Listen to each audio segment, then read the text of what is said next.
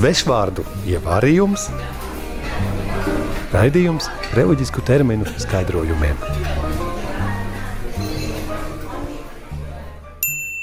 Šodienas burts ir Ir burts, d, kā tautā saka, d.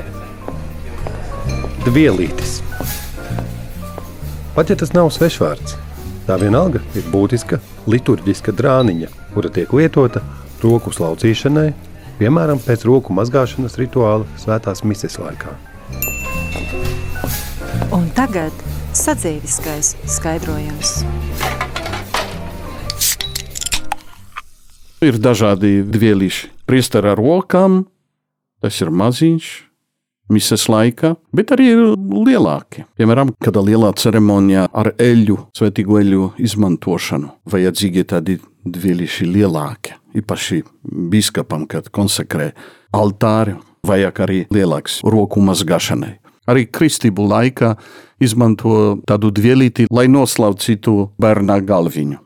No klostera dzīves es varu teikt, ka katra novice eh, divu gadu klostera laikā nonāk arī kalpošanā kapelā. Un kapelā viņai ir jāgādā par visām svētajām lietām. Un sakarā arī par dvielīti. Un šādas svētas lietas parasti māca iestērķelēt. Ja, lai saudums būtu tiešām tāds cietāks, tāds nu, cienījams, sagludināt un salocīt tā kā harmonikas. Un tad priesteris misas laikā, kad mazgā rokas, noslauka šo skaisto dvielīti savas rokas. Jā, šajā epizodē runājam par to pašu dvielīti, kuru rūpīgām kustībām diakons vai priesteris loka brīdī, kad mēs gaidām misijas beigas un pēdējo svētību. Izrādās, ka, lai arī tajā brīdī specifiska locīšanas kārtība nav obligāta, svarīgi, ka ar šo dvielīti nekādas citas funkcijas vai slaucīšanas notikt nedrīkst.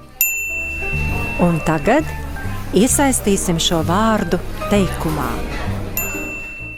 Evadiņ, nē, tas ir dvielītis. Deguna šņaukšanai mums ir papīra salvetītes.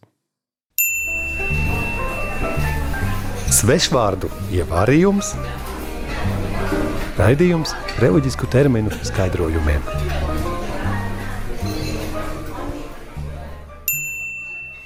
Dalmatika. Diakonu liturģiskais tērps ar platām piedurknēm.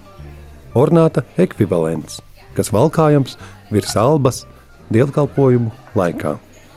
Termina nosaukums cēlies no geogrāfiska nosaukuma Dalmācija, kur arī radusies šī tērpa tunikas piegriezne. Un tagad zemāka līmeņa skaidrojums. Ja paliksim dalmatiku uz galdu, tad šķiet, ka nu, ir līdzīga tišertam. Bet īstenībā tas ir ļoti svinīgs apģērbs ar, ar dažādām krāsām un rotām. Senos laikos dalmatiku izmantoja kopā ar ornātu arī biskupi, kuri ievilka vispirms dalmatiku un uz to ornātu. Tagad praktiski dalmatiku izmanto tikai diakoni. Tāpēc ne visas baznīcās, ne visās sakristējās var atrast dalmatiku, jo ne visur ir diakoni. Es kā sieviete, kurai patīk skaisti ģērbties, saredzu tur līdzības ar pončo. No spāņiem, kas nākuši, jo es kaut kur lasīju, ka dalmatika tiek li tika lietot arī jājot ar zirgiem. 12. gadsimtā ja, viegli bija uzģērbt šo darbu. Kaut kur arī tā kā tunika, Tā tad um, nu, atšķirība ir ornamentāla. Un, un tur jau var redzēt, tāpat tās kā karavīriem ir kaut kādos plečiem, ar ko viņi atšķirās. Tur, teiksim, augstāks pakāps no zemāks. Tā šeit arī nu, priesterim tomēr ir cita simbolika.